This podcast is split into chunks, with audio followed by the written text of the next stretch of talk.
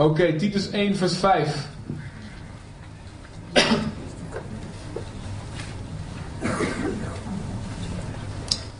heb zelf nog niet eens opgezocht. Ik zat voor te kletsen.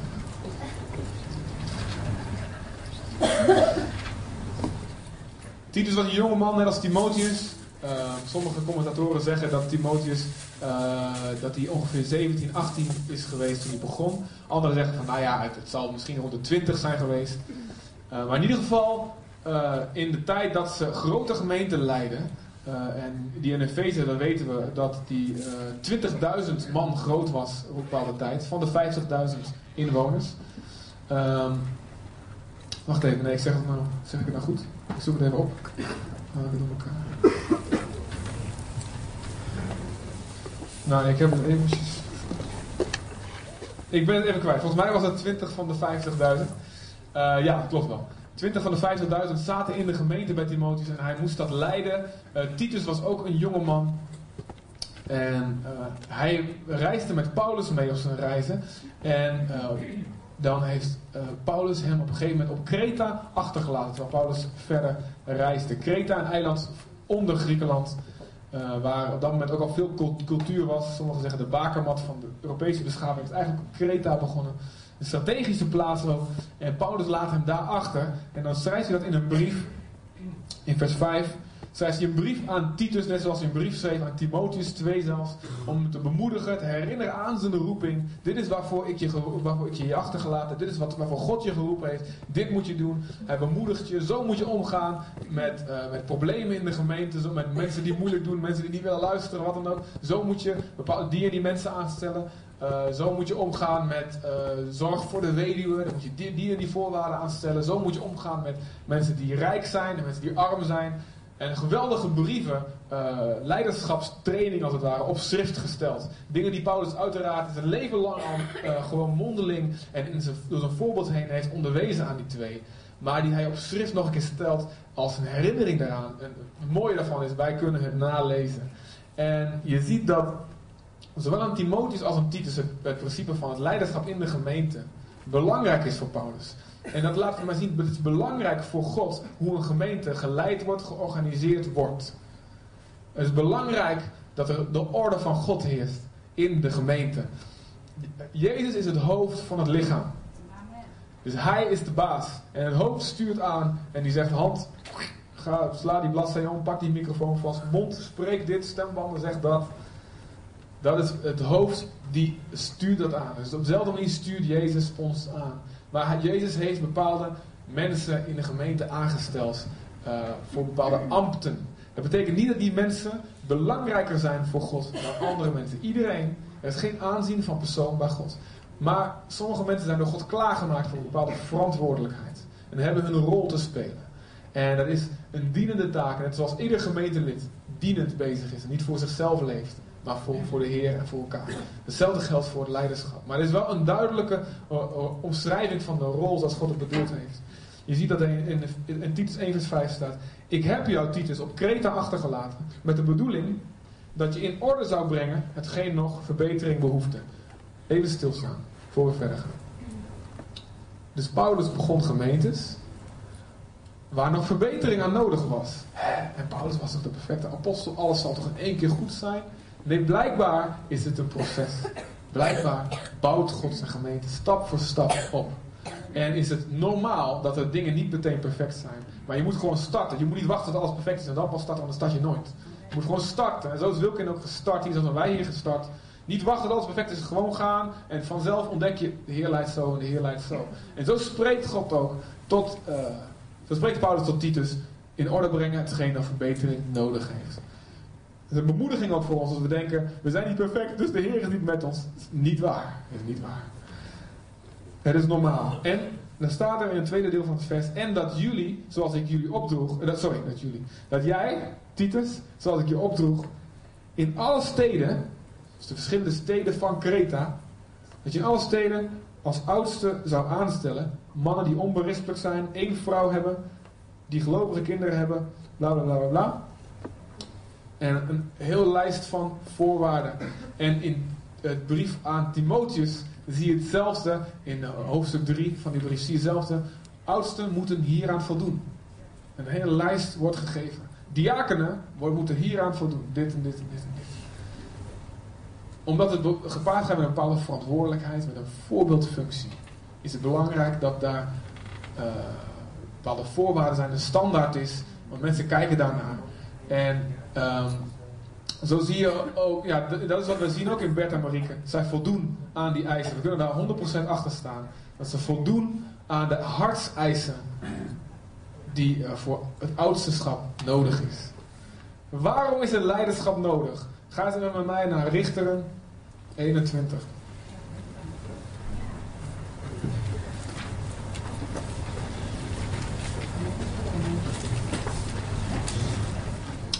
Richteren is uh, ja, best een apart boek. Mensen volgen God en worden gezegend. Het volk verlaat God en er komt een vijand een land binnen en onderdrukt ze. Dan roepen ze naar God, help ons, we bekeren ons weer. En God stuurt een verlosser. Hij gebruikt altijd mensen in het boek. En stuurt een verlosser om ze weer te bevrijden. Dan gaat het een tijdje goed, zolang die richter leeft. Meestal gaat die richter weer dood, die rechter. Dan vaak duurt het niet lang dat het volk weer vervalt in zijn oude gewoonte, gaat weer afgoden dienen. Met het gevolg, de vijand komt weer. Ze roepen weer naar God, God bevrijdt ze weer. En dat gaat zo wel een keer of 6, 7, 8, 9, 10 in het boek van Richter. Gaat dat zo op en neer. Denk je nou, leren ze nou nooit van hun fouten? Blijkbaar niet. En laten we niet te hard oordelen, wat vaak gebeurt in ons leven. Precies hetzelfde. Het gaat goed en God openbaart ons wat, weet je wel. Of als gemeente, het gaat goed. En uh, uh, op een gegeven moment dan gaan we ons hart achter andere dingen aan. En we merken de vijand komt in ons leven en maakt daar gebruik van. En we roepen weer naar God, help, help. En God die geeft je weer een bevrijding. En dan gaat het even goed, maar een tijdje zakt het weer af. En dan is het weer... En dan gebeuren er vooral de laatste hoofdstukken van Richteren. Uh, vanaf vers 17 is eigenlijk een aanhangsel in het boek Richteren. Hoofdstuk 17, sorry. Hoofdstuk, vanaf hoofdstuk 17 dat is eigenlijk een extra deel aan het boek Richteren, wat, wat niet bij de rest van het boek een beetje past. Een paar losse verhalen die in de tijden voorafgaan daaraan spelen. En dan zie je dat dingen best misgaan. Um, ze worden priesters aangesteld, helemaal op de verkeerde manier. Verkeerde altaren, verkeerde tempels. En de mensen denken, ik zal wel gezegend worden als ik het zo en zo doe, maar dat blijkt niet zo te zijn. Ze kennen de wet van God niet, er wordt niet toegepast.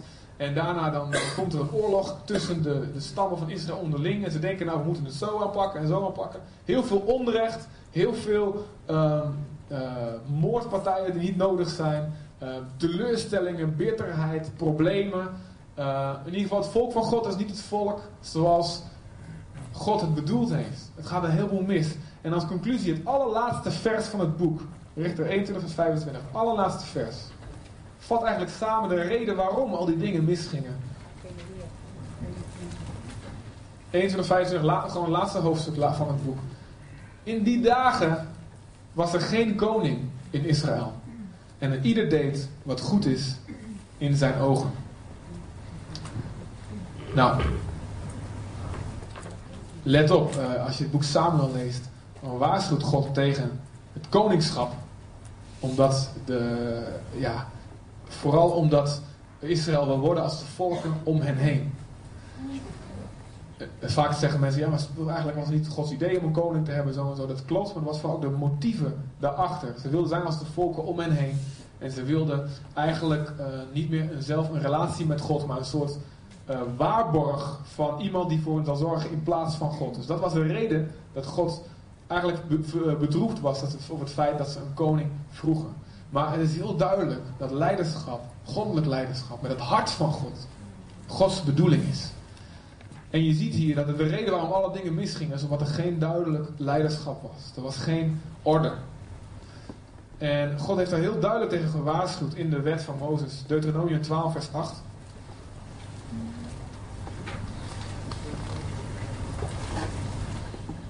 Deuteronomium 12, vers 8 staat: Jullie zullen geen zins doen wat wij hier nu doen in de woestijn. Ieder het geheel naar zijn eigen goed dunken. En dat staat in de context van: jongens, hier moeten jullie aanbidden in deze tempel. Zo zit het met de priesters, met de levieten, met het leiderschap. En als iedereen naar zijn eigen goeddunken, zo van nou, ik denk dat het zo goed is, gaat handelen, dan lopen de dingen in de soep, want ja, de conflict van de een tegen het conflict van de ander. En eh, ik denk, het moet op die manier gebeuren, allemaal op die manier. En er is, niet, er is niet iemand die de knoop doorhakt en verantwoording neemt, zeg maar.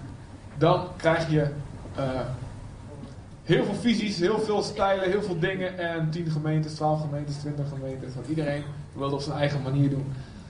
Dus het is Gods principe. Nou, hoe heeft God dit dan bedoeld? Het is een heel uitgebreid onderwerp waar ik echt helaas niet helemaal op in kan gaan nu.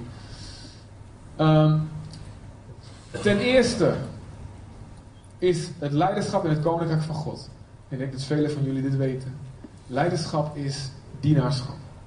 Leiderschap, Jezus heeft het voorbeeld gegeven. Voeten wassen, je leven geven. Verdragen moeilijke mensen, moeilijke situaties. Blijven liefhebben als het moeilijk is. Dienen. En uiteindelijk je leven in de dood geven. Dat is wat Jezus gedaan heeft als de beste leider aller tijden. Dat betekent niet dat hij niet duidelijker was. Dat betekent niet dat die mensen niet vermaande, corrigeerde. Jezus was heel heftig soms. Maar het was allemaal uit liefde gemotiveerd. Het was allemaal dienend leiderschap. Dat is een belangrijk fundament. Er zijn allerlei, allerlei lijsten in het Nieuwe Testament, allerlei verschillende lijsten in het Nieuwe Testament van de gaven die God gegeven heeft aan de gemeente. Um, in Romeinen 12 staat een lijst. In Efeze 4 staat de vijfvoudige bediening genoemd. En ik wil het gewoon even met jullie opzoeken. Dat jullie ook het kunnen vinden zelf later. En dit zijn, terwijl je het opzoekt, leg ik het even uit. Dit zijn uh, vijf stijlen van bediening eigenlijk. Vijf personen met, met, die eigenlijk een andere benadering vaak hebben van leiders, van hoe ze een invloed uitoefenen, gezondheid. En, um, maar die elkaar nodig hebben, die elkaar aanvullen. En ideaal gezien wordt een gemeente geleid door mensen die deze vijf uithoeken zeg maar, van Gods manier vertegenwoordigen. En dat is ook waar we naartoe willen werken als deze gemeente. En het gaat stap voor stap naar gelang de God die mensen toevoegt. In uh, Efeze 4 vers 11 worden die vijf genoemd. Hij heeft zowel apostelen gegeven als profeten, zowel evangelisten als herders en leraars. Nou, ik heb wel eens iemand het zo horen zeggen van uh, de, uh, de wijsvinger, dat is de profeet. Die zet, legt de vinger op de zere plek. Zegt, hé, hey, ik zie dat je die en die zonde hebt in je leven, broeder. Broeder. Geintje gewoon. Sorry. Kom maar wel een keertje. Wees voorbereid. Nee. De profeet legt de vinger op de zere plek. En natuurlijk is het ook bemoedigend hè, en opbouwend. En het plan van God voor je leven, wat dan ook. Maar het is duidelijk ook iemand die uh, de waarheid weet te zeggen. Johannes de Doper type. Jij mag niet slapen met de vrouw van je broer. En wat Johannes de Doper zei en waarom hij een kopje kleiner werd gemaakt. Het zijn vaak niet de populaire figuren, vaak een beetje eigenzinnig. Maar ja, ik wil niet te veel invullen, anders dan, dan gaan we op bepaalde manier naar kijken. Er kunnen heel verschillende stijlen zijn. Dus de profeten zijn vaak die wijsvinger. Maar de middelvinger is de langste vinger. En dat staat voor de evangelist. Hij reikt het verste uit naar de wereld. De evangelist. Altijd bezig met, oh, we moeten de verloren bereiken. Hebben we nodig. Dan heb je de ringvinger. Nou, daar zit een mooie ring om, zoals jullie kunnen zien. Dat is een teken van trouw. En dat staat voor de herder. De herder is iemand van trouw, van relaties, van heel pastoraal, heel zorgzaam, geborgenheid. En vaak zou kunnen, als ze in het vlees zijn tenminste, dan kan het wel conflicteren met die profeet die zegt, dat, dat, en je moet nou de waarheid zeggen. Of met de evangelist die zegt, nou maakt niet uit, we hoeven niet zo herderlijk te zijn, we moeten gewoon de wereld bereiken. Weet je wel? En het is juist mooi als ze in vrede en door de geest gelijk met elkaar kunnen samenwerken. Het maakt een krachtig team. Nou, de pink, als je, die is nodig om het lichaam in balans, om de, om de hand in balans te houden. Hè? Dat staat voor de leraar. Eh, balans is nodig door het woord van God. Wil je vragen even, even stil te zijn. Het woord van God die het in balans brengt. De leraar staat ervoor. Nou, de apostel. Dat is een vinger die alle andere vingers kan aanraken.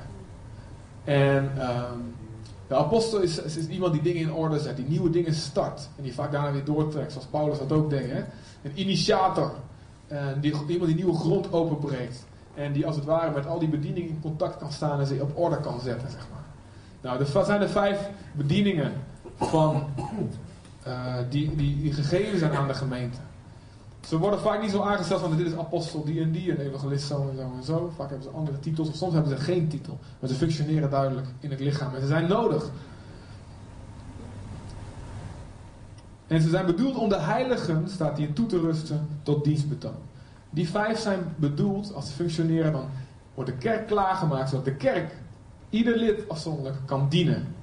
En zoals ik al eens vaker zeg, niet dat die vijf of de leiders hard werken en de rest kijkt toe op de tribune. Nee, iedereen wordt vrijgezet, wordt klaargemaakt, wordt toegerust, wordt gecorrigeerd, wordt opgevoed om te kunnen dienen.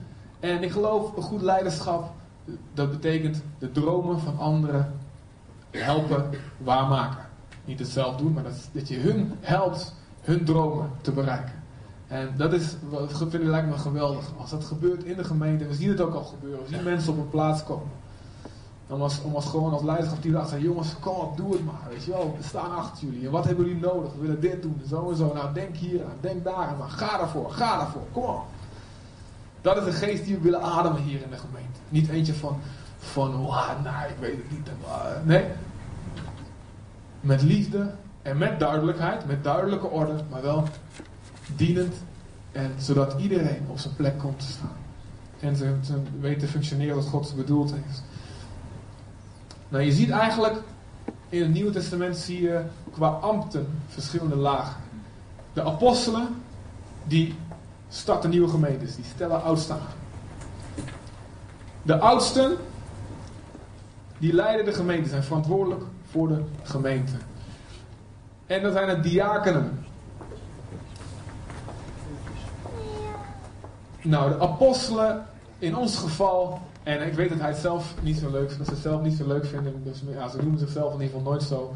Maar wat ons betreft, Wilkin en Aukje zijn ontzettend apostolisch, hebben de gemeente gesticht. En uh, wij gaan elke maand nog, komen met de voorgangers, komen we samen, uh, delen we ons hart met elkaar. Soms maken we besluiten samen. Binnenkort hebben we een weekend samen uh, met de oudste, gezamenlijke oudsten. En zo, gaan, zo doen we nog meer dingen samen, zoals vorige week, gezamenlijke diensten. En, we zitten, en het is niet op basis van dwang of van, wil ik dan ook zeggen, niet van nou doe je wat we zeggen, wat dan ook. Nee, wij kiezen vrijwillig ervoor van beïnvloed ons leven, beïnvloed ons als voorganger. We hebben jullie nodig, we willen jullie advies, we zoeken ze op. En um, wat dat betreft hebben ze echt een apostolische zalf, een apostolische mantel. En daar zijn we heel blij mee, heel dankbaar voor. De oudsten van de gemeente, die zijn uh, bedoeld om de lokale gemeente te leiden, te hoeden, als een kudde als het ware. Om een voorbeeld te zijn. Om, en om gewoon de visie van God te ontvangen. Jongens, die kant gaan we op als een herder. Daar zijn groene weiden. Kom op schapen. We gaan die kant op met z'n allen. En de diakenen, die zijn er vooral om de, uh, de, de praktische of organisatorische dingen van de gemeente op te pakken. Je ziet in Handelingen 6 zie je dat de, de, de apostelen, die waren toen nog samen de leiding van de gemeente in Jeruzalem. Die kwamen door alle drukte en zorg voor de weduwe. Er moest eten verdeeld worden, wat dan ook, dat soort dingen. Um, die kwamen niet meer toe om het woord van God te prediken of om uh, bij, te bidden, uh, van God te ontvangen als het ware. En de diakenen werden toen aangesteld om hun te helpen, om hun te ontlasten van die taak. Nou, we zijn, hebben een aantal teamleiders hebben we al in werking. En er komen er nog wat bij. En uh, dat is echt geweldig om zo'n team ook te hebben, zeg maar. Oudsten. Dus er worden drie woorden gebruikt voor oudsten in het Nieuwe Testament. En vergeet me als ik even in het Grieks ga praten. Dat kunnen jullie wel hebben toch? Wie, wie, verstaat, er, wie verstaat er geen Grieks? Tatiki en uh, Moussaka. En, uh, dat, alles wat jullie kennen. Nikos Maglas, voor de voetbalkenners. Saka is lekker, hè? Oké. Okay. Er worden, in het Nederlands worden die ook, worden die ook uh, op verschillende manieren vertaald. Je hebt in het Nederlandse Bijbel, in de MBG, heb je oudsten, opzieners en herders. Eigenlijk is dat precies hetzelfde. Er zit geen, geen verschil tussen. Het is gewoon een andere naam voor dezelfde taak, zeg maar. En in het Grieks is het eerste oudste is presbyteros. En de presbyteriaanse kerk ken je misschien niet, maar ja, dat komt van in Engels sprekende landen heb je dat, dat komt van dat woord vandaan ook. En dat spreekt over het karakter van de oudste. En dat betekent letterlijk een ouder iemand. Nou ja, in ons geval gaat het nog niet helemaal op. We zijn op weg, dit jaar word ik 30. Halleluja. Maar uh, het spreekt over de waardigheid van het ambt. Iemand die, mensen die dingen meegemaakt hebben in God. En die daardoor ervaring en door het wandelen met de Heer, door de juiste keuzes maken, autoriteit hebben gekregen. Omdat ze door bepaalde dingen heen zijn gegaan. Iemand die geestelijk volwassen is, die waardig is, die ervaren is. Nou, een andere woord wat gebruikt wordt is episcopos. Episcopos. Nou, het woord bisschop komt daar vandaan. Episcopos. Bisschop op zijn uh, plat. Bischop. Eh, episcopos. En dat staat voor de functie van de oudste. Het eerste gaat over karakter. En het tweede gaat over de functie van de oudste En dat, dat woord betekent iemand die gezag heeft, iemand die supervisie heeft, dingen die overziet. Iemand die dingen overziet. En er wordt ook opziener vertaald in uh, Timotheus met name. En dan het derde woord is poimen. Dat betekent herder. Dat spreekt over de hartshouding van de oudste. Ja, iemand die voedt, die leidt, die beschermt. En die een gids is. Nou.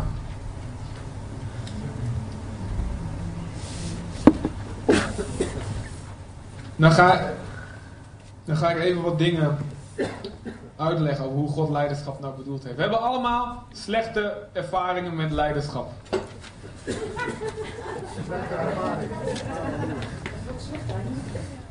Het, we, hebben allemaal, we hebben allemaal wel meegemaakt iemand die misbruik maakt van zijn positie. Zij het een vader of een moeder in een gezin. Zij het een leraar. Zij het een uh, minister-president, in ons geval niet zo. Misschien. Uh, dankjewel, ja, goed zo. Zij het een, een voorganger. Zij het een ander soort celleider, kringleider. Zij het een baas. Wat dan ook. Dus we hebben allemaal hebben we wat slechte ervaringen opgedaan met leiders. Wij ook. En um, wat je vaak ziet, is mensen die verwondingen hebben op het gebied van leiderschap, met autoriteit, soms al vaak in hun kindertijd, die gaan om zichzelf te beschermen heel erg rebelleren tegen dat leiderschap. Jij moet mij, hoeft mij niet te vertellen wat ik moet doen. Hè? En een beetje uh, vrijgevochten leven, als het ware. Wie denk jij dat jij denkt dat je wat kan zeggen? Nou, dit komt bij, heel, komt bij heel veel mensen voor. het is ook niet iets alleen van deze tijd. Je ziet dat de Bijbel er vol mee staat. Dat Paulus er ontzettend veel mee te maken had. Dat de grootste probleem is mensen die zich niet willen laten corrigeren. Die niet uh, willen luisteren naar discipline of wat dan ook, weet je wel. En die mensen hebben vaak zulke issues in hun hart.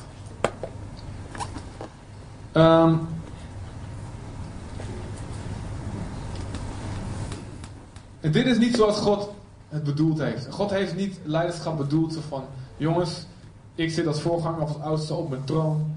En uh, weet je wel, uh, ik wil nu dat dit, dat, dat en dat allemaal op zichzelf gericht. Weet je wel? Um, zoals de koningen en de keizers in de tijd van Jezus met name uh, bezig waren. Zo heeft God het niet bedoeld. Jezus zegt dat heel duidelijk. Zoals zij het doen in de wereld, zo moet het bij jullie niet zijn. Jullie moeten dienen. Maar wat er kan gebeuren, is mensen die angst hebben voor leiderschap, angst hebben voor een dictatuur, dat die van de ene kant, zeg maar, de andere kant op schieten. Naar de democratie. Nou, ik geloof dat democratie heel goed werkt. In de regering, in uh, ja, landen, zeg maar, overheden. Uh, het is inderdaad de minst slechte vorm van regering zijn in een maatschappij zoals we leven. Niks, geen enkel systeem is perfect. Maar dit is de minst slechte vorm. Maar het koninkrijk van God is, zoals het woord al zegt, een koninkrijk. En niet een democratie van God. En in het Oude Testament staat een verhaal in nummer 16 over Korach. En Korach die kwam naar Mozes toe met een groep mensen. En die zegt: Jongens, Mozes en Aaron, wie denk je wel dat je bent? Waarom verhef jij jezelf boven de gemeente? De de het hele volk bestaat uit heiligen. Ieder, wij kunnen allemaal Gods stem verstaan. Nou, God was daar heel duidelijk in. In wat er met hen gebeurde. Ze werden opgevreten door de aarde. Beetje heftig, maar het punt was duidelijk. God stelt mensen aan in de gemeente. En um, het, is, het is een beetje, ik voel als een beetje ongemakkelijk om daar zelf over te praten, want ja, het gaat ook over, over mij, het gaat ook over ons, zeg maar. Maar het is wel belangrijk dat we hier duidelijk in zijn. En het werkt inderdaad niet als we dingen moeten eisen. En nu wil ik dat je je handen omhoog heft, anders dan dit en dat. Weet je wel? Krijg je geen eten na de dienst. Misschien als je heel erg honger had, zou je maar gehoorzamen. Maar het komt niet uit je hart. Komt je buik. En dit is niet hoe God leiderschap bedoeld heeft.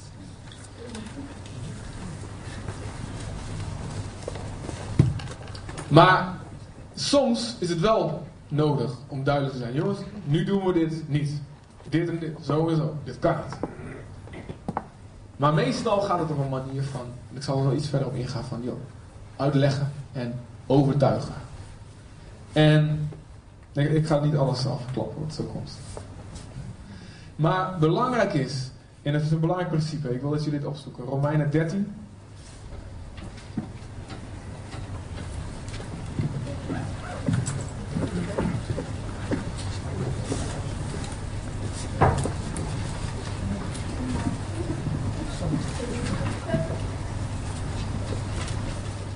Romeinen 13.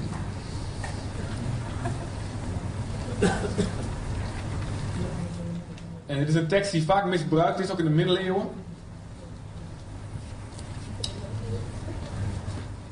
En wij met onze nieuwe democratische geest stijgen vaak een beetje als we dit horen. Nou, ik kan je een boek aanbevelen, John Bevere, Undercover. Uh, wat hier goed op ingaat.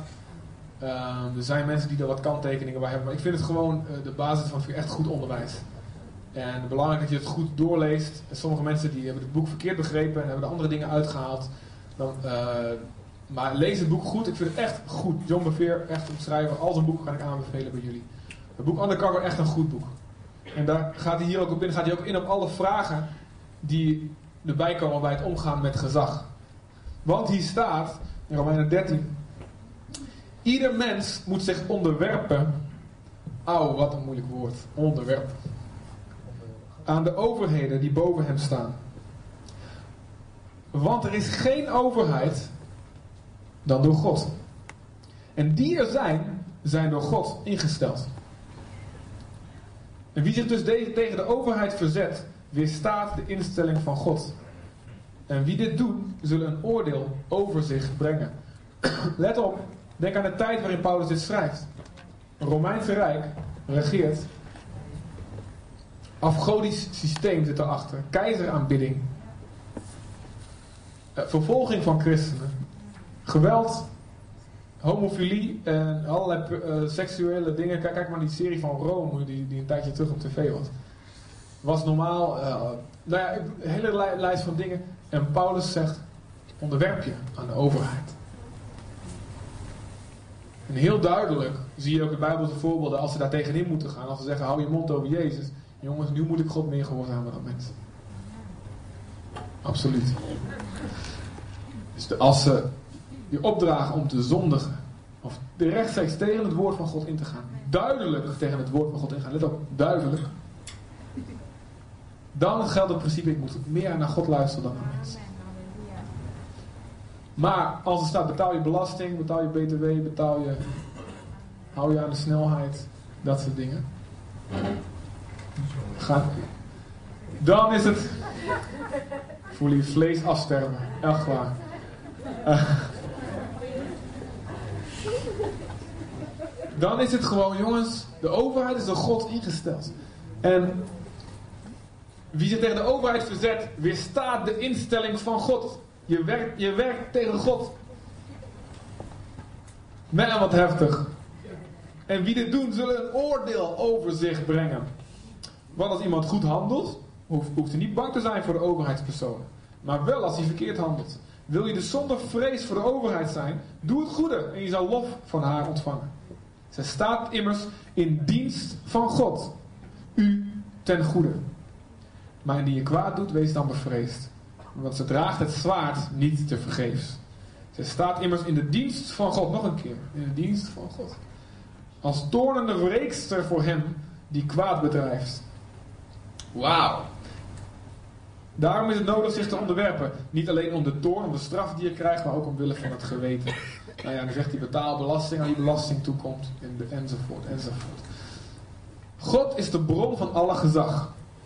Amen. God is de koning op zijn troon. Elke knie zal zich buigen, elke tong zal beleiden, Jezus is Heer. God is de baas. Laten we geen twijfel over zijn.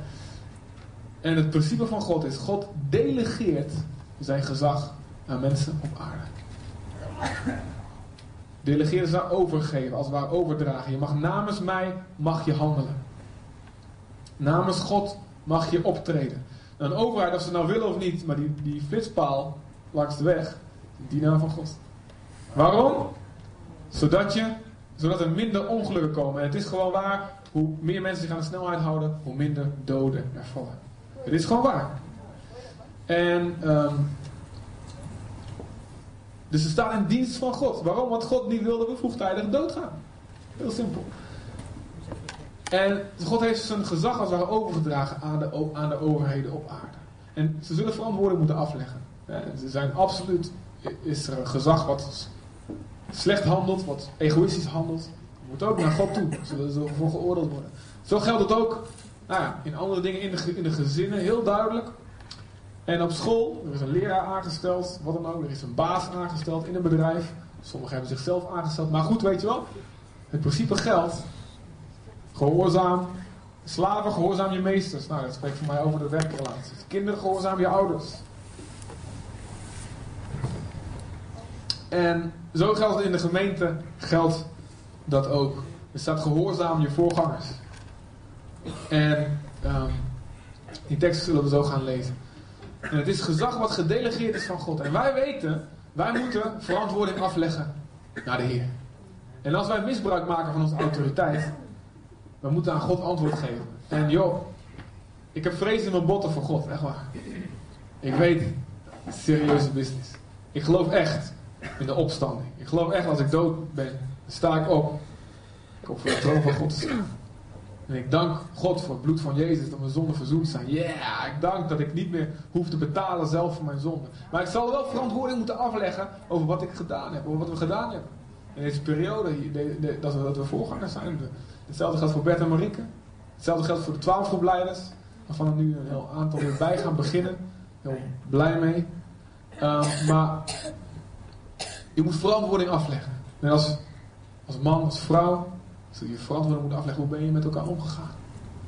Hoe ben je met je kinderen omgegaan? Verantwoording afleggen naar de Heer. Maar het is dus gedelegeerd gezag. Doorgegeven als gezag. En dat woord, die, die macht. Dat is misschien een beladen woord, maar die macht die gegeven is aan het leiderschap, ook binnen de gemeente. Dat is. Um, dat betekent, dat woord wat gebruikt wordt, exousia, betekent eigenlijk het recht wat iemand gegeven is. Vrijheid die iemand gegeven is om namens iemand anders op te treden. Het staat trouwens ook dat wij diezelfde macht hebben over demonen. Even een zijspoortje. Nou, laten we maar even gaan naar. Um,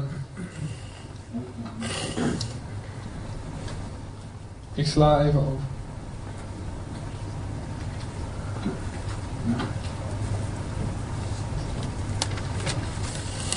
Ja. Um, laten we even gaan naar Hebreeën 13, vers 17.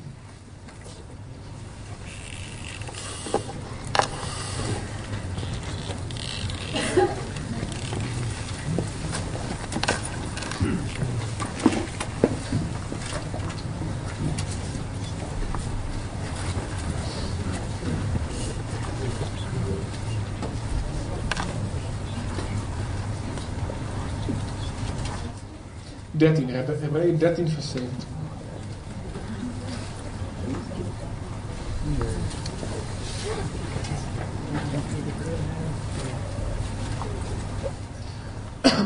En daar heb je hem hoor.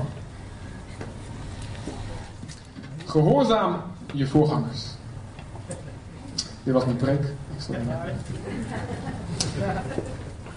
Gehoorzaam je voorgangers en onderwerp u aan hen. Want zij zijn het die waken over uw zielen.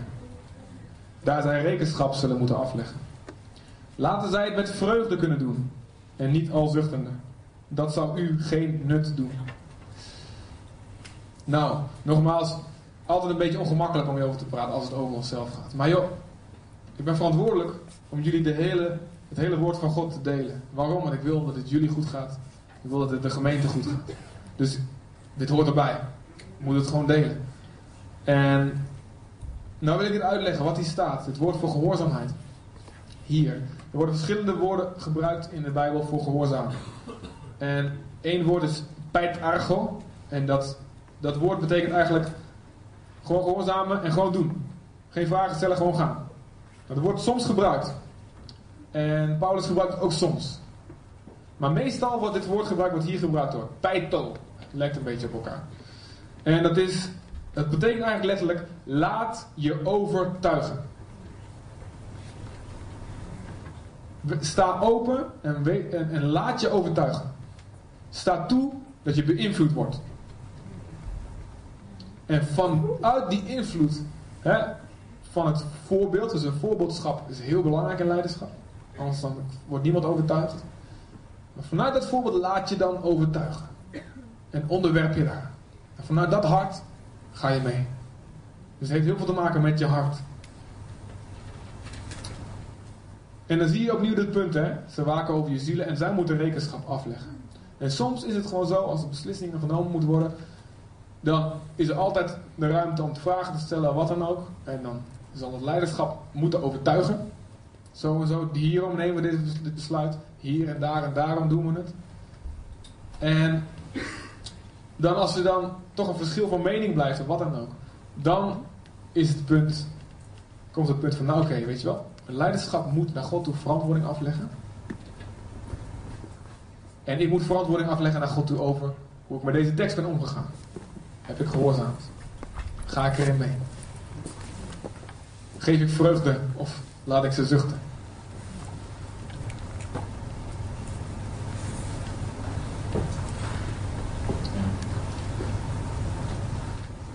En dan zie je inderdaad, um, kijk, het, vaak, is, het kan namelijk zo zijn dat een leider, als je het ergens niet mee eens bent als iets gebeurt, dat hij meer weet dan jij.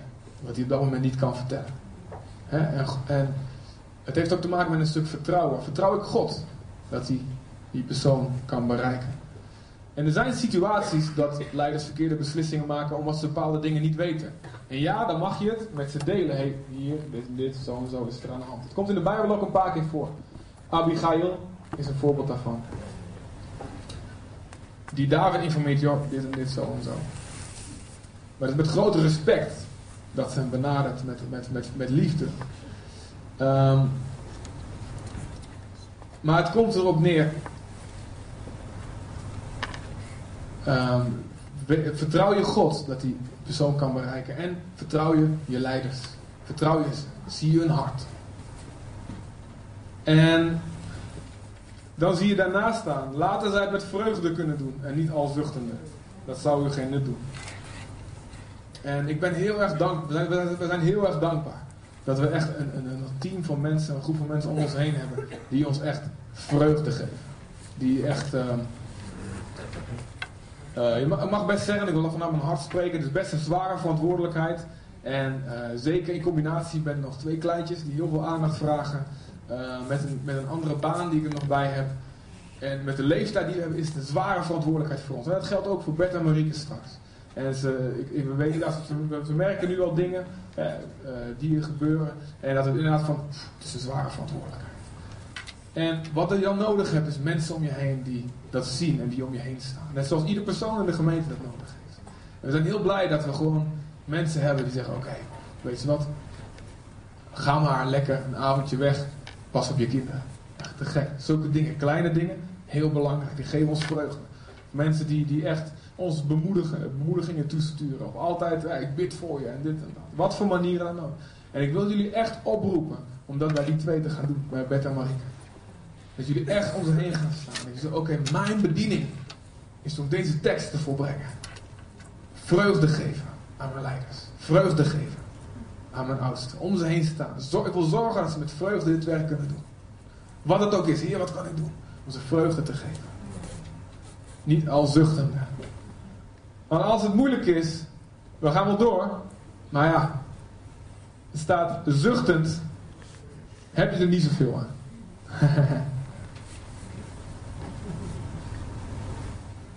dus ik wil jullie oproepen, ga om zijn. Bid voor. Elke dag. Ga denken, hoe kan ik ze bemoedigen? Zit je in een twaalfgroep, doe dat met je twaalfgroepleider. En doe het ook in andere relaties, op je werk. Ik werk op de battles. En ik heb me zelf voorgenomen van het begin dat ik werkte onder Gerard Hogeman, mijn baas. Ik wil zijn dromen waarmaken. Ik ga naast hem staan. En soms betekent moet ik hem beschermen. En soms dan moet ik hem de waarheid zeggen. Ik denk echt dat je dit fout doet, wat dan ook. We hebben een goede vriendschap, goede band ontwikkeld. Maar mijn doel is, ik wil de dromen van die man waarmaken. Ik wil zijn wapendrager zijn. Nou, en we hebben een, we hebben relatie, een band die kan niet meer stuk. Ik kan alles tegen hem zeggen. Hij tegen mij. En dat is te gek. Dat is echt super.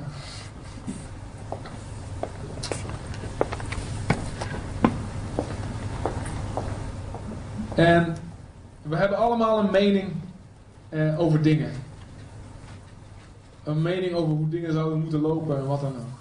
Nou, Bijbels principe, en ik kan er niet op ingaan, misschien een keer een andere preek, is oordeel alleen daarover waar God je verantwoordelijkheid over gegeven heeft.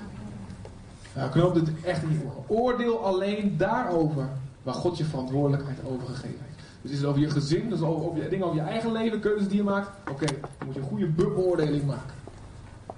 Maar zie je iets in het leven van iemand anders, ja, er is een verantwoordelijkheid om iemand aan te spreken als hij zondigt, absoluut. Maar als er beslissingen gemaakt worden die niet tegen de Bijbel ingaan, maar je denkt van nou, weet je wat, volgens mij zo en zo, dit en dat. Oordeel alleen daarover, waarover God je verantwoordelijkheid gegeven heeft.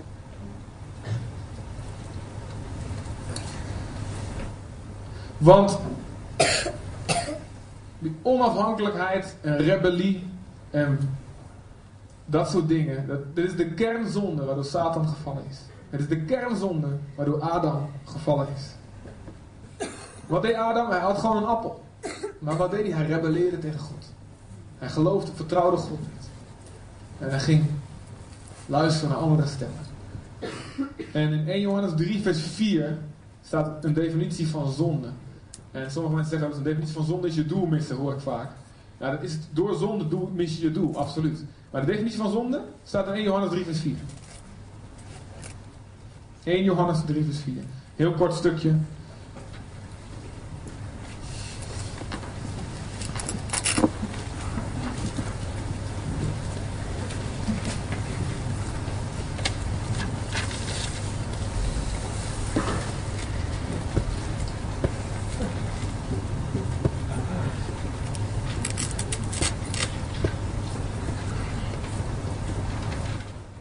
In Johannes 3, vers 4. Er staat: Ieder die de zonde doet, doet ook de wet, wetteloosheid. En de zonde is wetteloosheid. En letterlijk dat woord wat daar staat is anomia. En dat betekent zonder wet zijn. Uh, het verwerpen van de wet of de wil van God. En in plaats daarvan je eigen wet je eigen wil volgen. Nou, en waar komt dat beter tot uiting dan als in relaties met mensen? Hè? Zonde is wetteloosheid. En we zijn afhankelijk van elkaar allemaal. Toen deze gemeente gestart werd, we waren er niet bij. Is er gesproken, is er uitgesproken. Deze Zutphen heeft een geschiedenis van onafhankelijkheid. Onafhankelijkheid. Willen wij een stap bereiken? Een van de dingen die Wilkin geleerd heeft, die ook hier geleerd heeft, is van. Er moet eerst. De blinde moest eerst uit de stad geleid worden. Buiten de stad. En daar werd hij genezen. Willen wij deze stad bereiken? We moeten eerst uit de stad komen, als het ware. Uit de geest, van onder de geest vandaan die hier heerst. En leren afhankelijk te worden van God en van elkaar. Niet te trots zijn om te zeggen: Oké, ik heb je nodig. Ik heb, we hebben elkaar nodig. Ik wil me onderwerpen aan je. Ik wil je dienen. Als we dat doen, dat is een heel belangrijk deel van de wijsheid die we nodig hebben om die muur te beklimmen. Als we dat niet doen, dan hebben we als het ware dezelfde geest nog steeds van de stad om ons heen. En zullen we weinig bereiken. Dit zal alleen een, door, gewoon maar doorgaan wat er in de stad gebeurt, zal alleen hier doorgaan en rondom een kerk. Dan willen we impact hebben, dan moeten we geheel anders zijn. Dan moeten we niet dezelfde vorm als de wereld, gelijkvormig aan de wereld zijn. We moeten leren zeggen, ik heb, ik heb jou nodig. Geldt ook voor ons als leiders. We willen ook wel zeggen, jongens, we hebben jullie nodig. We hebben jullie We hebben elkaar nodig. We hebben nodig dat jullie allemaal op jullie plek gaan staan.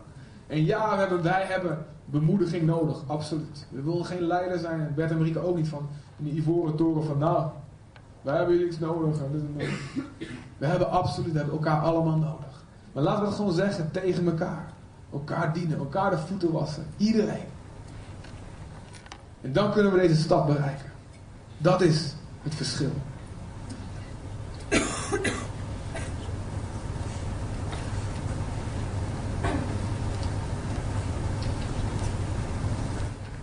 Nou, Bert en Marieke, jullie zijn geroepen een voorbeeld te zijn. En in Handelingen 20 staat: zie toe op jezelf en op de hele kudde. Dus zie toe eerst op jezelf, dat het goed met jullie gaat, je relatie met de Heer. En van daaruit zie toe op de kudde. Dat heeft met, hoort bij elkaar. Zie toe op je voorbeeldschap. En weet dat je rekenschap moet afleggen aan de Heer. Nou, we zijn een sterk team met z'n vieren en in de toekomst zal het groter worden. Dus we zullen ook elkaar erbij helpen, zoals jullie ons ook helpen. En, uh, maar onthoud, de Heer zal, zal verantwoording moeten afleggen, maar Hij zal jullie ook belonen. En ik geloof, en ik, mijn vertrouwen is, dat deze gemeente het op zal pakken en zal zorgen dat jullie je werk met vreugde kunnen doen. En dat het niet al zuchtende zal zijn. Amen. Gemeente. Amen. En ja, we weten dat jullie een dienend hart hebben. Dat hebben we al lang gezien. Dat heeft iedereen al lang gezien. Dat is jullie verantwoordelijkheid. Nou, gemeente, jullie verantwoordelijkheid, zoals ik al net genoemd heb, is geef ze vreugde. Geef ze vreugde. Dien ze. Kijk, waar kan ik een wapens dragen? Letterlijk of figuurlijk. Geef ze vreugde en bewijs ze eer. Nou, de laatste tekst die ik wil lezen is 1 Timotheus 5, vers 17. Bewijs ze eer. In Peter staat het ook, joh. Bewijs eer aan wie de eer toekomt. En dit is een cultuur van eren. willen we echt gaan bouwen in deze gemeente. Van het eren van elkaar. 1 Timotheus 5, vers 17.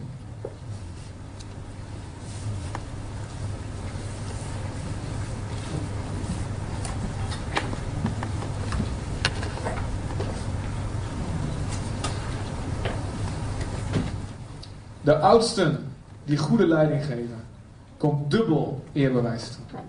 Vooral hun die zich belasten met prediking en onderricht. Immers de schrift, het woord van God zegt, je zal een dorsende os niet muilbanden. Dus een os die bezig is, die moet je laten eten van waar hij mee bezig is. En Jezus zegt, de arbeider is zijn loon waard. Je moet geen klacht tegen een oudste aannemen, tenzij er twee of drie getuigen zijn, staat er trouwens achteraan.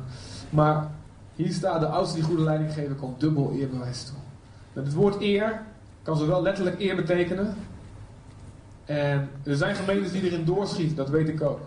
En eh, met name als je het woord verhaal hebt uit bepaalde landen in Afrika wat dan ook, weet je wel. Dat de mensen de, uh, al de, voeten van de voorganger kussend uh, achteruit kruipen en dat soort dingen. En ik zeg, natuurlijk kun je daarin doorschieten. Maar ik geloof dat Nederland een beetje aan de andere kant van die balans zit. En wij moeten wat meer richting die eer kruipen. Nee, halleluja, misschien letterlijk profetisch. Nee, we moeten wat meer naar die eer toe gaan. Naar, naar meer eer in plaats van minder. Kijk eens hoe we met Balkenende omgaan. Hoe wordt, die, hoe wordt over hem gesproken in de media? Ja, geintje, heel goed. Nee, noem hem maar niet meer zo. Um, maar kijk eens hoe, hoe er over hem gesproken wordt. Hoe er karikaturen en dat soort dingen gemaakt worden. En uh, we waren in Colombia, hebben gezien het verschil hoe ze daar met de president omgaan. Nou, dat is daar ook een hele goede Oribe.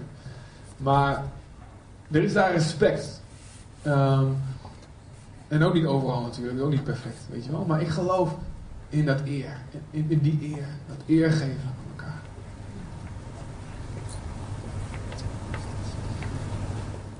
En dat we daarin echt ons moeten bekeren, om echt moeten veranderen van gedachten. Die gedachte van ja, je moet maar gewoon, gek genoeg, je moet niet denken dat je meer weet dan ik. Oh, ik weet ook heel veel. En denk je, weet je wel, dat zijn allemaal van die Hollandse gedachten waar de Heer geen behagen is geeft. Echt niet, echt niet.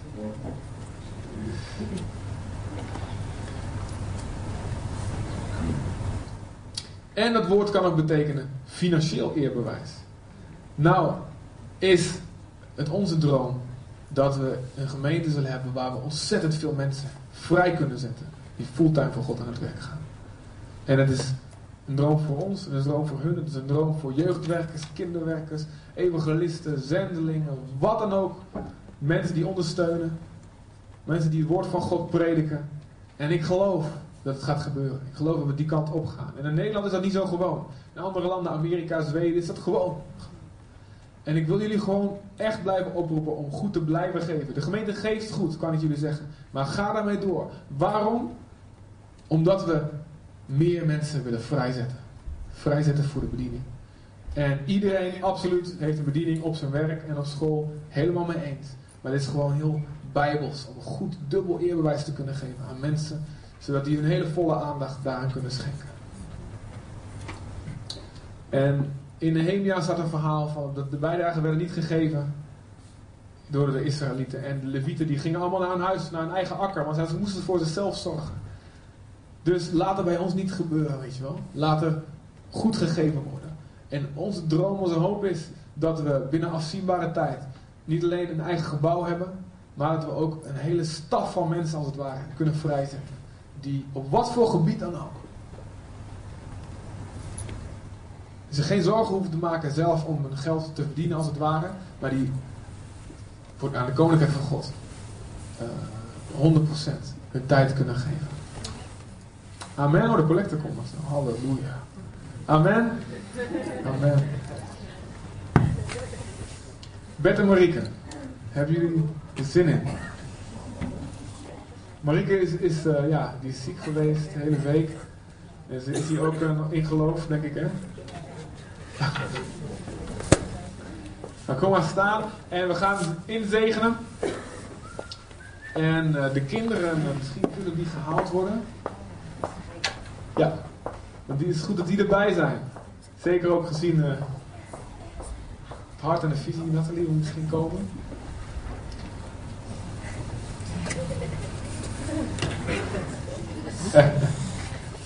en ik zou jullie willen vragen, ik heb het niet van tevoren met jullie overlegd, maar ik zou willen vragen dat jullie gewoon uitspreken van zo zie ik de gemeente voor.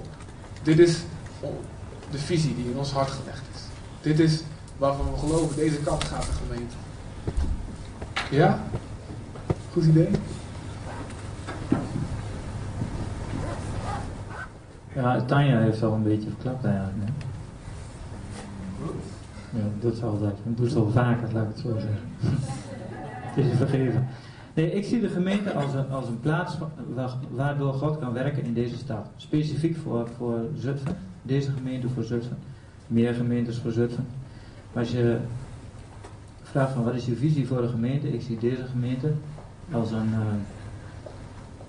ja, als een plaats waar God werkt voor deze stad. En er zijn van allerlei dingen voor nodig. Een van de dingen die er voor nodig is, is wat Chris net al eh, gedeeld heeft. Dat is de manier waarop het moet gebeuren. De, het hart wat nodig is om deze stad te bereiken.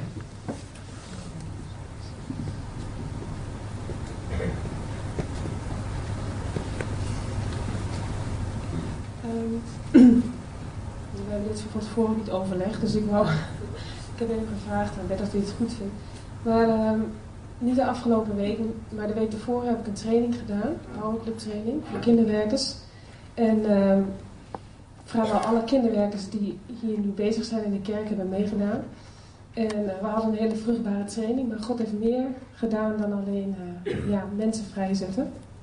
Ehm, hij heeft eigenlijk ook deuren voor ons geopend om verder te gaan dan alleen in deze stad en alleen in Nederland. En ehm, over een poosje, denk in oktober, ehm, gaan we waarschijnlijk met ons hele gezin naar Oekraïne. Ergens een plaats in de Oekraïne. Om daar eh, te gaan, ook kinderwerkers te gaan trainen. Samen met eh, nou ja, Kids in Ministry International, dus de bediening waar ik ook voor werk. En ehm, wat God heeft laten zien is dat het hele kinderwerk hier in onze kerk met elkaar gaan trainen. Over de grenzen heen. En ik zie onze gemeente als, en wij samen zien dat. We hebben nauwelijks tijd gehad om erover te praten, maar ik wil het toch delen omdat ik jullie wil bemoedigen daarmee. Ik werd er heel enthousiast over. Wij hebben een kans als gemeente om heel ver uit te reiken. Want we, hoeven niet, we kunnen niet alleen uitgaan en, en, eh, om mensen te dienen met geestelijke gaven, maar ook materieel. Dat is wat we samen ook willen doen. En we willen eh, ja, als gezin en als kerk, zeg maar, over de grenzen heen gaan. En eh, mensen bemoedigen gewoon. Ja, zoveel we kunnen. Zoveel mogelijk opbouwen. En ehm, ik ben heel enthousiast over wat de Heer aan het doen is in onze gemeente. En ik heb enorm genoten van eh, hoe iedereen die er van Berea bij was bij deze training zich heeft ingezet voor 100%. En wat, hoe Christian het ook benoemde, eh, ik heb er heel veel vreugde uit gehaald. Ik heb het niet zuchtend hoeven doen. Ik wist niet precies hoe bepaalde dingen geregeld moesten worden, want ik had van tevoren niet de hulp eigenlijk hè, op papier die ik moest hebben. Maar ik kon het, ja, kan ze nergens vandaan toveren. Maar eh, het is allemaal goed gekomen en iedereen die er was, heeft zich echt nou ja, 200% ingezet. En we hebben een hele goede tijd gehad. En ik zie gewoon uit naar, ja, naar wat God nog meer gaat doen. Ja.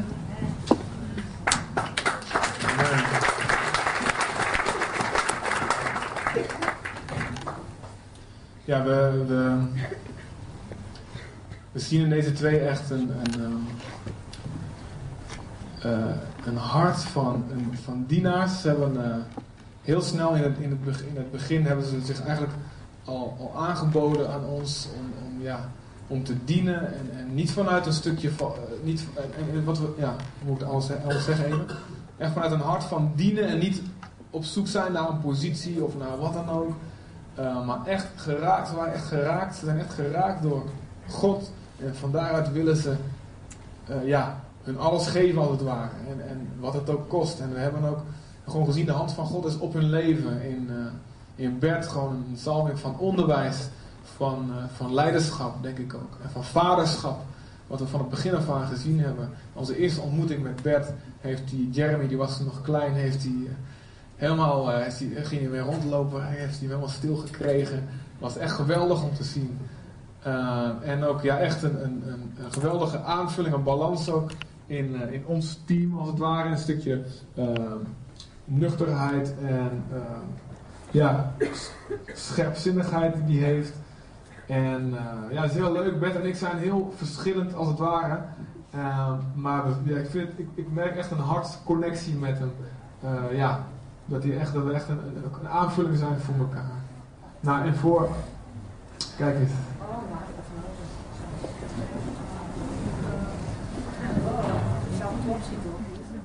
En Marieke hetzelfde, terwijl daar hele mooie Britse prinsesjes binnenkomen.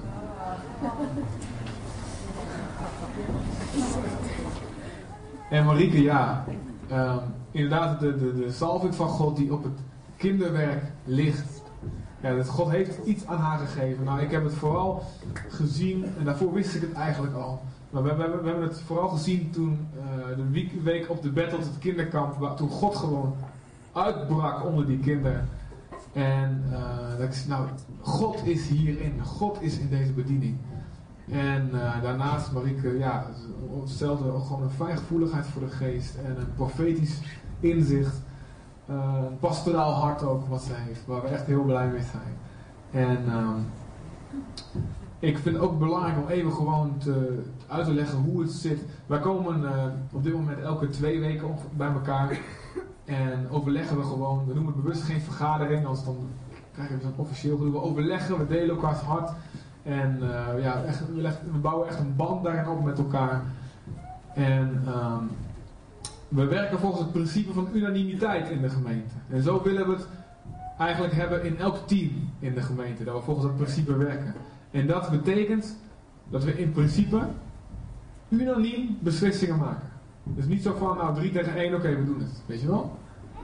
Uh, maar het is zo, als, als we uh, een beslissing willen maken, en de ene denkt er dit over, de andere denkt, nou we moeten het zo doen, dan praten we net zo lang door met elkaar.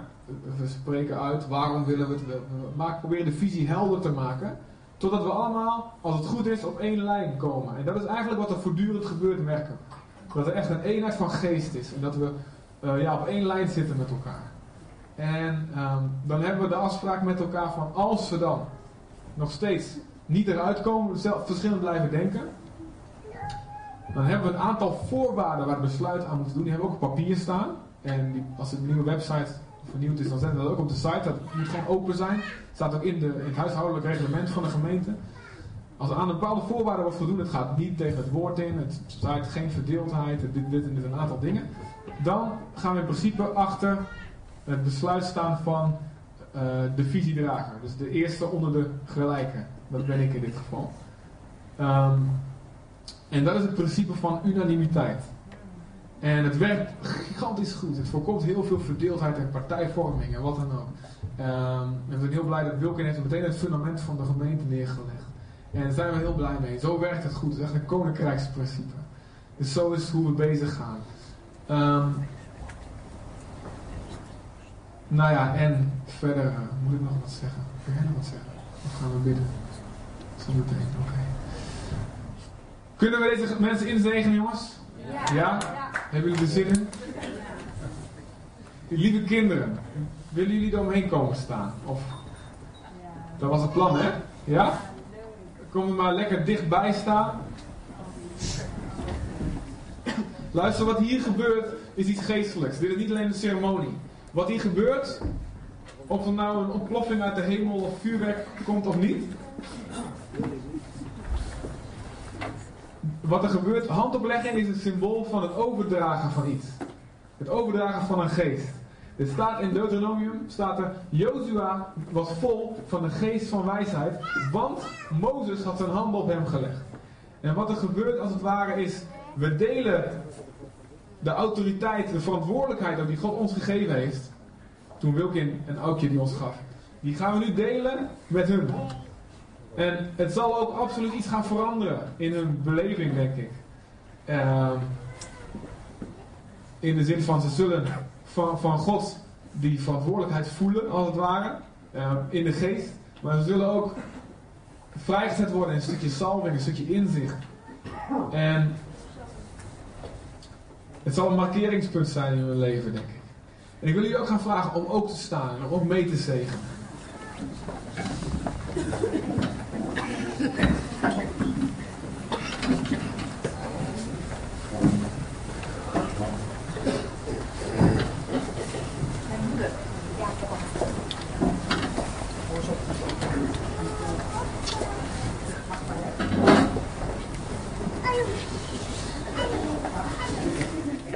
En laten we eerst bidden voor ze en dan gaan we zegenen.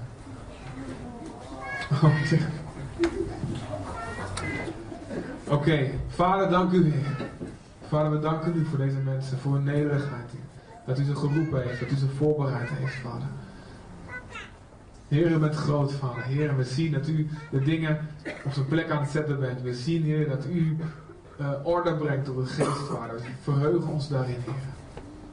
We verheugen ons daarin, Heer. En we willen voor ze bidden, we willen ze zegenen, Heer. We bidden dat u ze de wijsheid zal geven. De liefde zal geven, die ze nodig hebben. Dank u wel.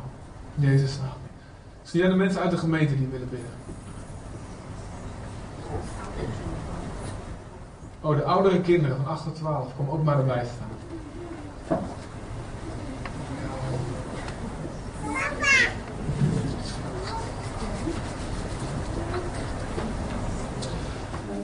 Oké, we vragen of iemand uit de gemeente die wil bidden. Kom even naar voren hier. Gewoon een zegenbeden. Voorbeden. Zodat u hart krijgt.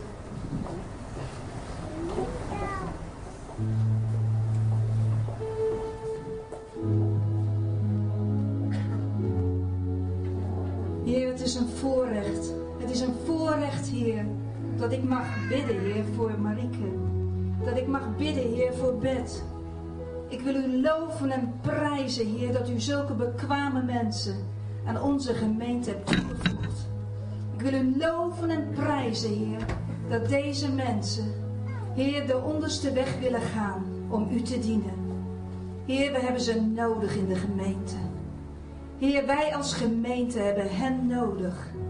En Heer, wij willen ook zeggen tegen hen, wij zullen biddend om jullie heen staan. Ons hart en ons gedachten zal bij jullie zijn. Het zal niet makkelijk zijn, mijn kinderen, om oudste te zijn. Er zal verdrukking komen. Er zullen mensen naar je toe komen die totaal niet met je eens zullen zijn.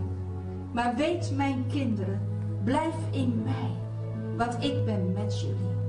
Ik roep jullie, ik de Heere roep jullie tot oudste. En ik de Heere ben degene die met jullie is. En als ik met jullie ben, als jullie gezin, wie zal er tegen jullie zijn? Heer, ik zie een volle aarde, vol met vruchten. En de Heer zegt, die volle aarde, dat zijn jullie. Maar die aarde die valt een beetje om, die buigt. Omdat die zo vol is. En hij buigt omdat het mijn nederigheid in hem is. Mijn nederigheid is in hen. En die nederigheid die in hen is, die gaan wij als gemeente zien. En Vader, machtig God, wij prijzen uw naam. Wij zegenen Marieke en Bet met deze bediening in de naam van Jezus Christus. Want Heere, u bent met hen. En wij staan biddend om hen heen, want wij houden van Marieke en Bet. En wij willen doen wat u behaagt, Heer. En dat is bidden voor hun. En biddend om hen heen staan. In de naam van Jezus. Amen.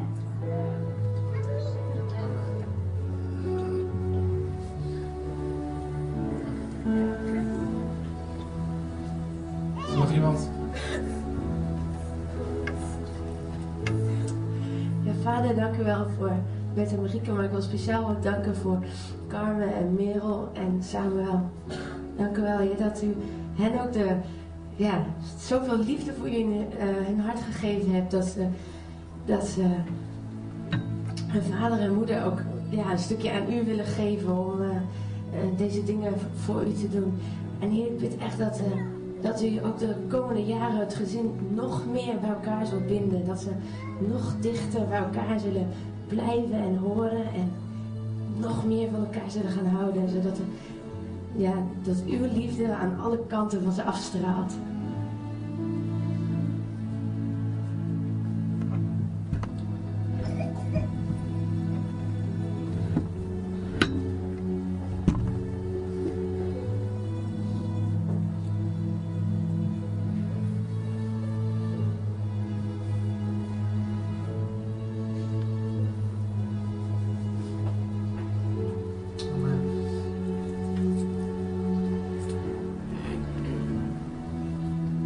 Misschien wat van de kinderen die willen bidden? Willen zegenen? Dus ik zegen ze, ik zegen jullie met dit en met dat. Gewoon iets wat je denkt, dit zou ik willen dat God ze geeft. Is er iemand van jullie die dat durft?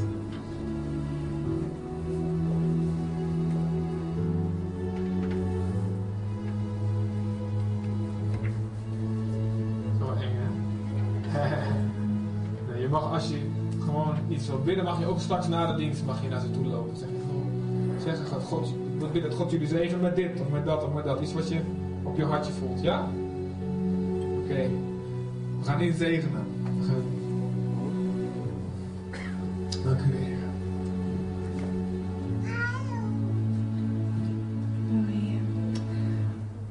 Dank u wel. Dank u wel, Vader. Heer, dat we deze mensen hier in deze in onze gemeente mogen eh, hebben, Heer. Dank u wel voor de zegen, Heer, die ze zijn voor ons, Heer. En ook, eh, ja, wie ze zijn, maar ook in de plan die u met ze heeft, Heer. Op geestelijk gezien, Heer. Heer, dank u wel, Heer, voor de talenten, Heer. Voor de hartgesteldheid die vanaf het begin we in ze hebben gezien, Heer. Dat zo zichtbaar is, Vader, dat we met een nederig hart, dat ze dat daarmee willen dienen, Heer. Heer, dat ze zoveel hebben achtergelaten, Heer, om u te dienen, Heer.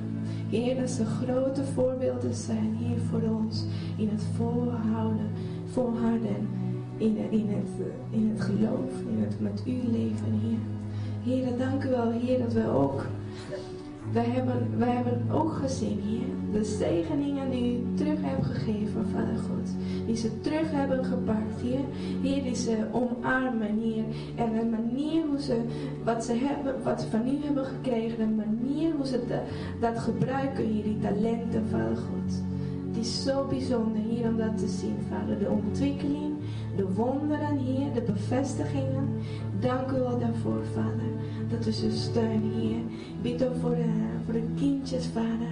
Heer, dank u wel dat u weet, Heer, dat het soms zwaar is, Vader, om eh, voor kin- kinderen te, te zorgen, Heer. Maar u geeft ook de kracht en de bemoediging, Heer.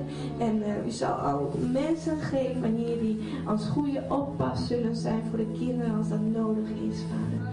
Heer, en ik bid, Vader, dat de kinderen het de harten van, van papa en mama zullen zien, Vader. Dat de dienstbaarheid voor u altijd, en ja, dat, dat, dat ze dat zullen erven van hun ouders, Vader. En dat ze hun dat nooit zal loslaten hier, ook in hun hartjes vanaf nu hier. Heer, en ik bid, Vader God, dat ze ja, dat u met, met uw geestelijke fa- familie hier zou geven. Hier, dat we dat mogen zijn voor u, Vader. Ja, om te compenseren, Vader, wat je, wat je soms mist, Vader God, van je eigen familie, Vader. Ik bid dat wij als gemeente dat kunnen zijn voor ze, Vader. Door bemoedigingen, Vader God, tot, tot lieve worden, door hulp, Vader God. Heer, openbaar ons, Heer, wat we kunnen doen, Vader, om deze, deze mensen ook te dienen, Vader. Dienstbaar te zijn. Heer, en eh, ik dank u voor ze, God, dat ze hier zijn. Heer, ik dank u voor de, wat ze nu gaan doen, wat ze in de komende tijd gaan doen, voor de plannen, voor de bediening hier, voor de nieuwe visies, voor de, ja, Heer, ik bid dat u dat zal blijven bevestigen in hun harten en dat ze steeds meer van u zullen gaan houden, en steeds meer van u, dat wonderbaarlijke, wonderbaarlijke deel van u zullen gaan ervaren, Heer. Ze steeds omhoog en niet omlaag, Heer steeds omhoog en niet omlaag. Heer, u bent hun steun, Vader God. U zal ze helpen, Heer. Ook vooral in de, ja, in de, als er moeilijke momenten komen. Heer, de wijsheid, Heer, dat u aan hun hebt gegeven, Vader. Maak ze alert, Heer. Maak ze alert. Geef, ze uw, uw ogen en steeds meer. En dat het steeds duidelijker zal zijn, En steeds makkelijker zal zijn om beslissingen te nemen. Omdat ze weten, dat ze weten, dat ze weten dat het van u komt, Heer. Willen ze zegenen in Jezus' naam. Amen.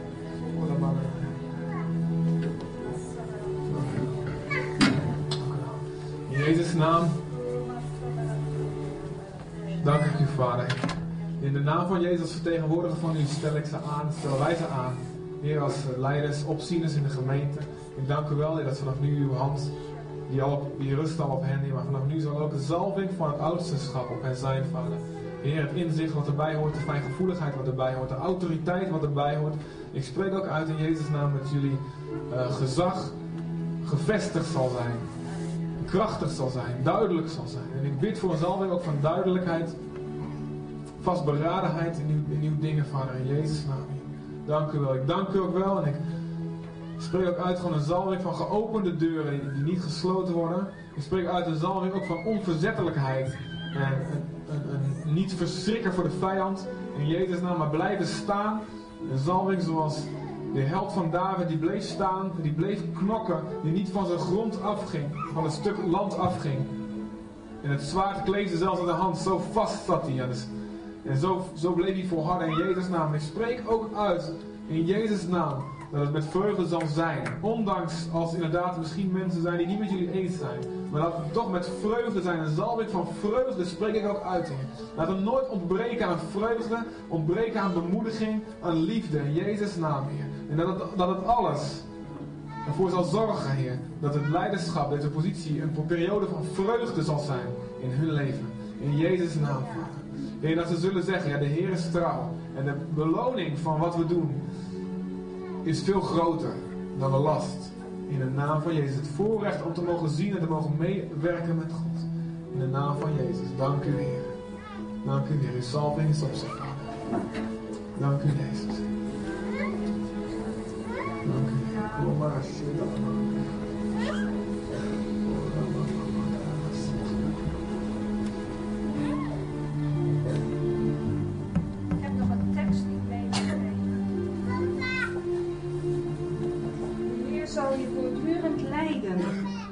verkwikken in dorre streken. Hij maakt je botten sterk en krachtig. Je zult zijn als een goed bevloeide tuin, als een bron waarvan het water nooit opdroogt. Jezaja 58, vers 11.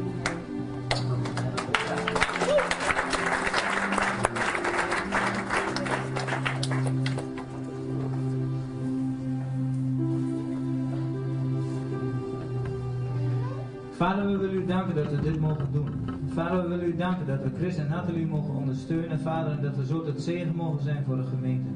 Zodat we zo tot zegen mogen zijn voor deze uh, stad. Zodat, zodat we tot zegen mogen zijn voor iedere, iedere een die in deze gemeente komt, Heer. En die hier een, een huis zoekt, een gezin zoekt. Vader, ik dank u dat, dit, dat deze gemeente is als een gezin. En dat we ons hier voelen als in een gezin. Dank u wel daarvoor, Vader.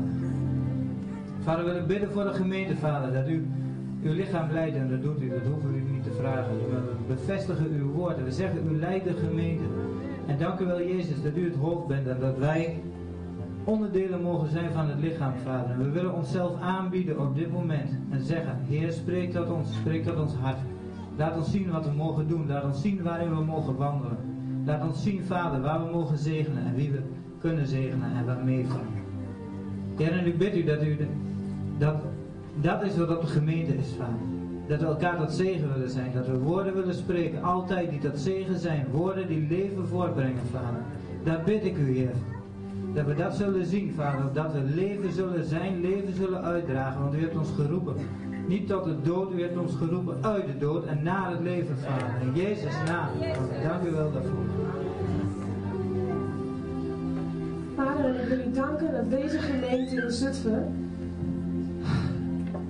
ook al zijn we nog klein, we zijn een strategische gemeente, een strategische stad in een strategische tijd. En daar dank ik u voor, Heer. En ik spreek uit het bewustzijn in de geest over deze gemeente. Waartoe u ons hebt geroepen. Want u hebt een roeping gelegd op deze gemeente. En u hebt een visie gegeven. En ik spreek uit dat deze visie, waarvan Christian en Nathalie de visiedragers zijn, Heer, dat het gaat leven in deze gemeente in de geest van een ieder die hier is. Vader, en ik bid dat de hand en de voet elkaar tot dienst zullen zijn. Vader, en ik spreek uit dat we elkaar zullen dienen, dat we nederig zullen zijn en dat we trouw zullen zijn. In Jezus' naam.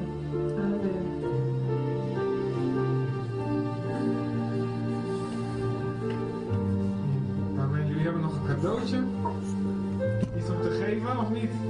Ga je dat nu geven of wil je iets bij zeggen? Ja, ja, ja. Janoa en Jaline gaan eerst wat geven. We hebben allemaal gekleurde bloemen voor jullie. En eh, dat, we ook, dat is eigenlijk ook ons gebed. Dat, eh, dat jullie allemaal gekleurde bloemen om jullie heen zullen hebben. Zodat je je leiderschap niet alleen hoeft uit te voeren. Maar dat je dus, ieder mens heeft, heeft iets in zich waar, waarin hij jullie kan ondersteunen. En we bidden dat, dat, eh, dat de kinderen dat kunnen doen en dat, dat wij als gemeente dat kunnen doen. En dat we zo samen een heel mooi eh, boeket mogen zijn. Met eh, heel, veel moe- heel veel mooie bloemende, bloeiende bloemen. En eh Janoa en Jolien, wil je nog wat zeggen?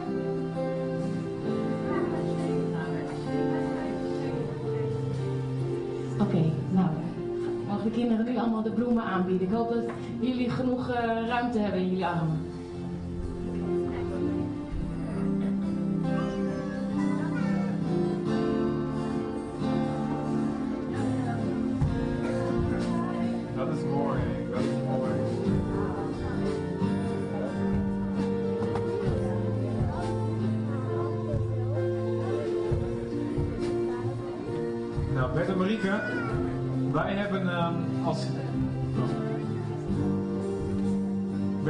Wij hebben als 12 groep, als jullie mini-familie, hebben we ook een cadeautje voor jullie. Dus zullen we na de dienst dat geven. Ik denk dat jullie er heel blij mee zijn. Ik was een beetje anticipatie. Mag ik jullie voorstellen aan onze oudste Bert en Marieke? Dank u weer. Dank u vader. Dank u weer. En ik ehm, wil jullie vragen meteen één ding in praktijk te brengen. Het staat gehoorzaam je voorganger. Ik geef jullie de opdracht allemaal om ze te bemoedigen straks. En die profetische bemoediging uit te spreken. Ik dank God voor jullie dit, of ik zie dat jullie dat, of jullie gaan zo en zo. Amen. Gehoorzamen hè. Dan krijg je geen eten. Dank u Heer. Jullie mogen gaan zitten allemaal. We gaan één lied zingen nog en dan sluiten we af.